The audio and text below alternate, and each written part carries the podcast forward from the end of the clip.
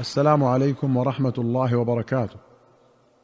أخرج البخاري ومسلم عن أبي سعيد الخدري رضي الله عنه قال جلس رسول الله صلى الله عليه وسلم على المنبر وجلسنا حوله. فقال إن مما أخاف عليكم بعدي ما يفتح عليكم من زهرة الدنيا وزينتها.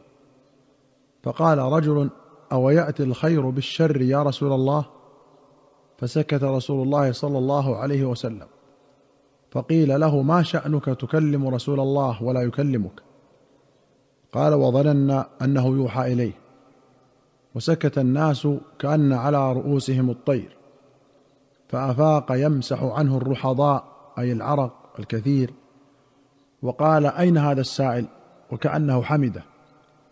فقال إنه لا يأتي الخير بالشر. وفي رواية فقال أين السائل انفا؟ أو خير هو؟ ثلاثا.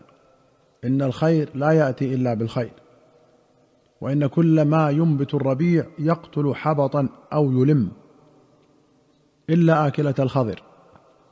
فإنها أكلت حتى إذا امتدت خاصرتاها استقبلت عين الشمس فثلطت وبالت ثم رتعت. وإن هذا المال خضر حلو. ونعم صاحب المسلم هو لمن أعطى منه المسكين واليتيم وابن السبيل.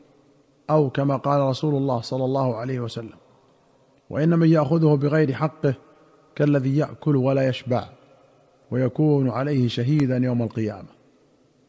وفي رواية قال إن أخوف ما أخاف عليكم ما يخرج الله لكم من زهرة الدنيا. قالوا وما زهرة الدنيا يا رسول الله؟ قال بركات الأرض وذكر الحديث. وفي آخره قال فمن أخذه بحقه ووضعه في حقه فنعم المعونة هو. ومن أخذه بغير حقه كان كالذي يأكل ولا يشبع. وقوله يقتل حبطا أو يلم يقال حبط بطنه إذا انتفخ فهلك. ويلم أن يقرب أن يقتل حبطا بالتخمة لكثرة الأكل أو يقارب القتل. والخضر واحدتها خضرة ضروب من النبات ليس من جيدها لا تستكثر منه الدواب. وإنما ترعاه لعدم غيره. وقوله ثلطت يقال ثلط البعير إذا ألقى رجيعه سهلا رقيقا. كتاب الصيام باب فضل الصيام والترغيب فيه. أخرج البخاري ومسلم عن أبي هريرة رضي الله عنه أن النبي صلى الله عليه وسلم قال كل عمل ابن آدم يضاعف الحسنة عشر أمثالها. إلى سبعمائة ضعف. قال الله عز وجل إلا الصوم فإنه لي وأنا أجزي به. يدع شهوته وطعامه من أجلي. للصائم فرحتان فرحة عند فطره وفرحة عند لقاء ربه. ولخلوف فيه أطيب عند الله من ريح المسك. وفي رواية كل عمل ابن آدم له إلا الصيام فإنه لي وأنا أجزي به.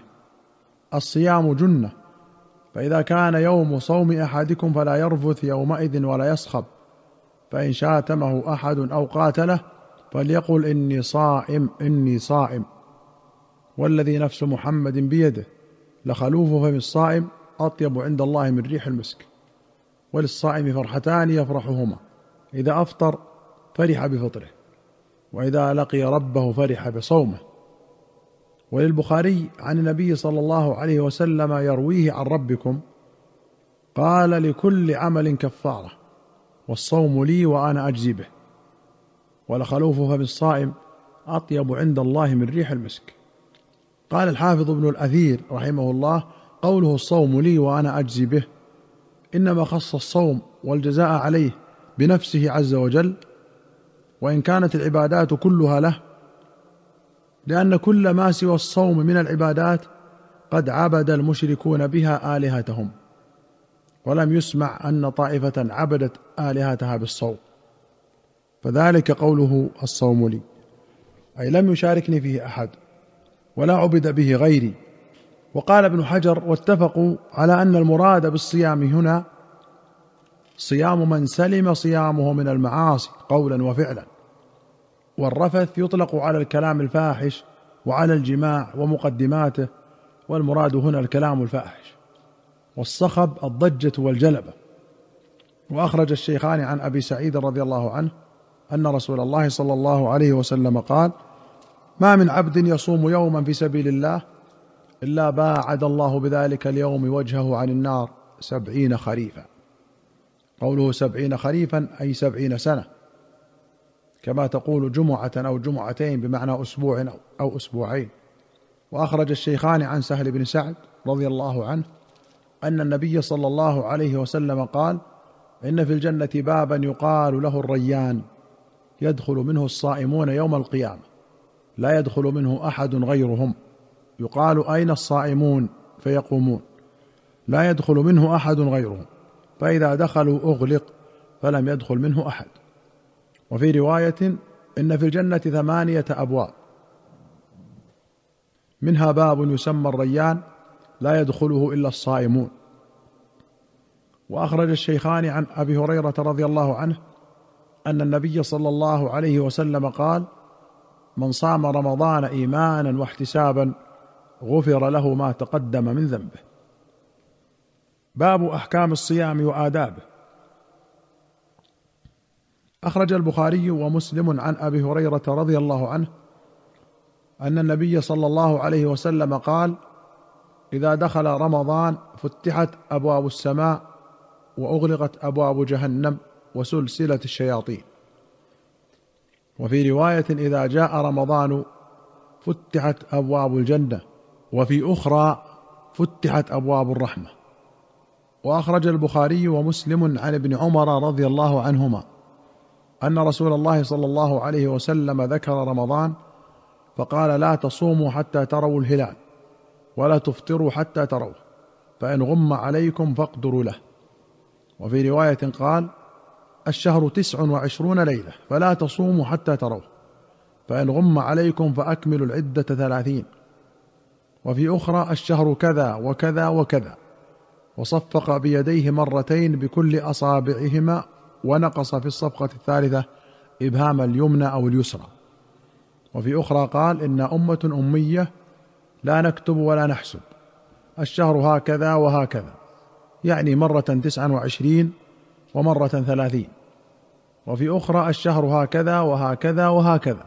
وعقد الإبهام في الثالثة والشهر هكذا وهكذا وهكذا يعني تمام الثلاثين. وأخرج البخاري ومسلم عن أبي هريرة رضي الله عنه أن رسول الله صلى الله عليه وسلم قال صوموا لرؤيته وأفطروا لرؤيته فإن غمي عليكم فأكملوا العدة. وفي رواية فإن غمي عليكم فأكملوا عدة شعبان ثلاثين. وأخرج البخاري ومسلم عن أبي هريرة رضي الله عنه أن رسول الله صلى الله عليه وسلم قال لا يتقدمن أحدكم رمضان بصوم يوم أو يومين إلا رجلا كان يصوم صوما فليصمه قال ابن حجر قال العلماء معنى الحديث لا تستقبلوا رمضان بصيام على نية الاحتياط لرمضان. قيل لأن الحكم علق بالرؤية فمن تقدمه بيوم أو يومين فقد حاول الطعن في ذلك الحكم. ومعنى الاستثناء أن من كان له ورد كمن يصوم الاثنين أو يصوم يوما ويفطر يوما فقد أذن له. وليس ذلك من استقبال رمضان ويلتحق بذلك القضاء والنذر لوجوبهما. قال بعض العلماء يستثنى القضاء والنذر بالأدلة القطعية فلا يبطل القطعي بالظن. أيها المستمعون الكرام إلى هنا نأتي إلى نهاية هذه الحلقة. حتى نلقاكم في حلقة قادمة إن شاء الله. نستودعكم الله. والسلام عليكم ورحمة الله وبركاته.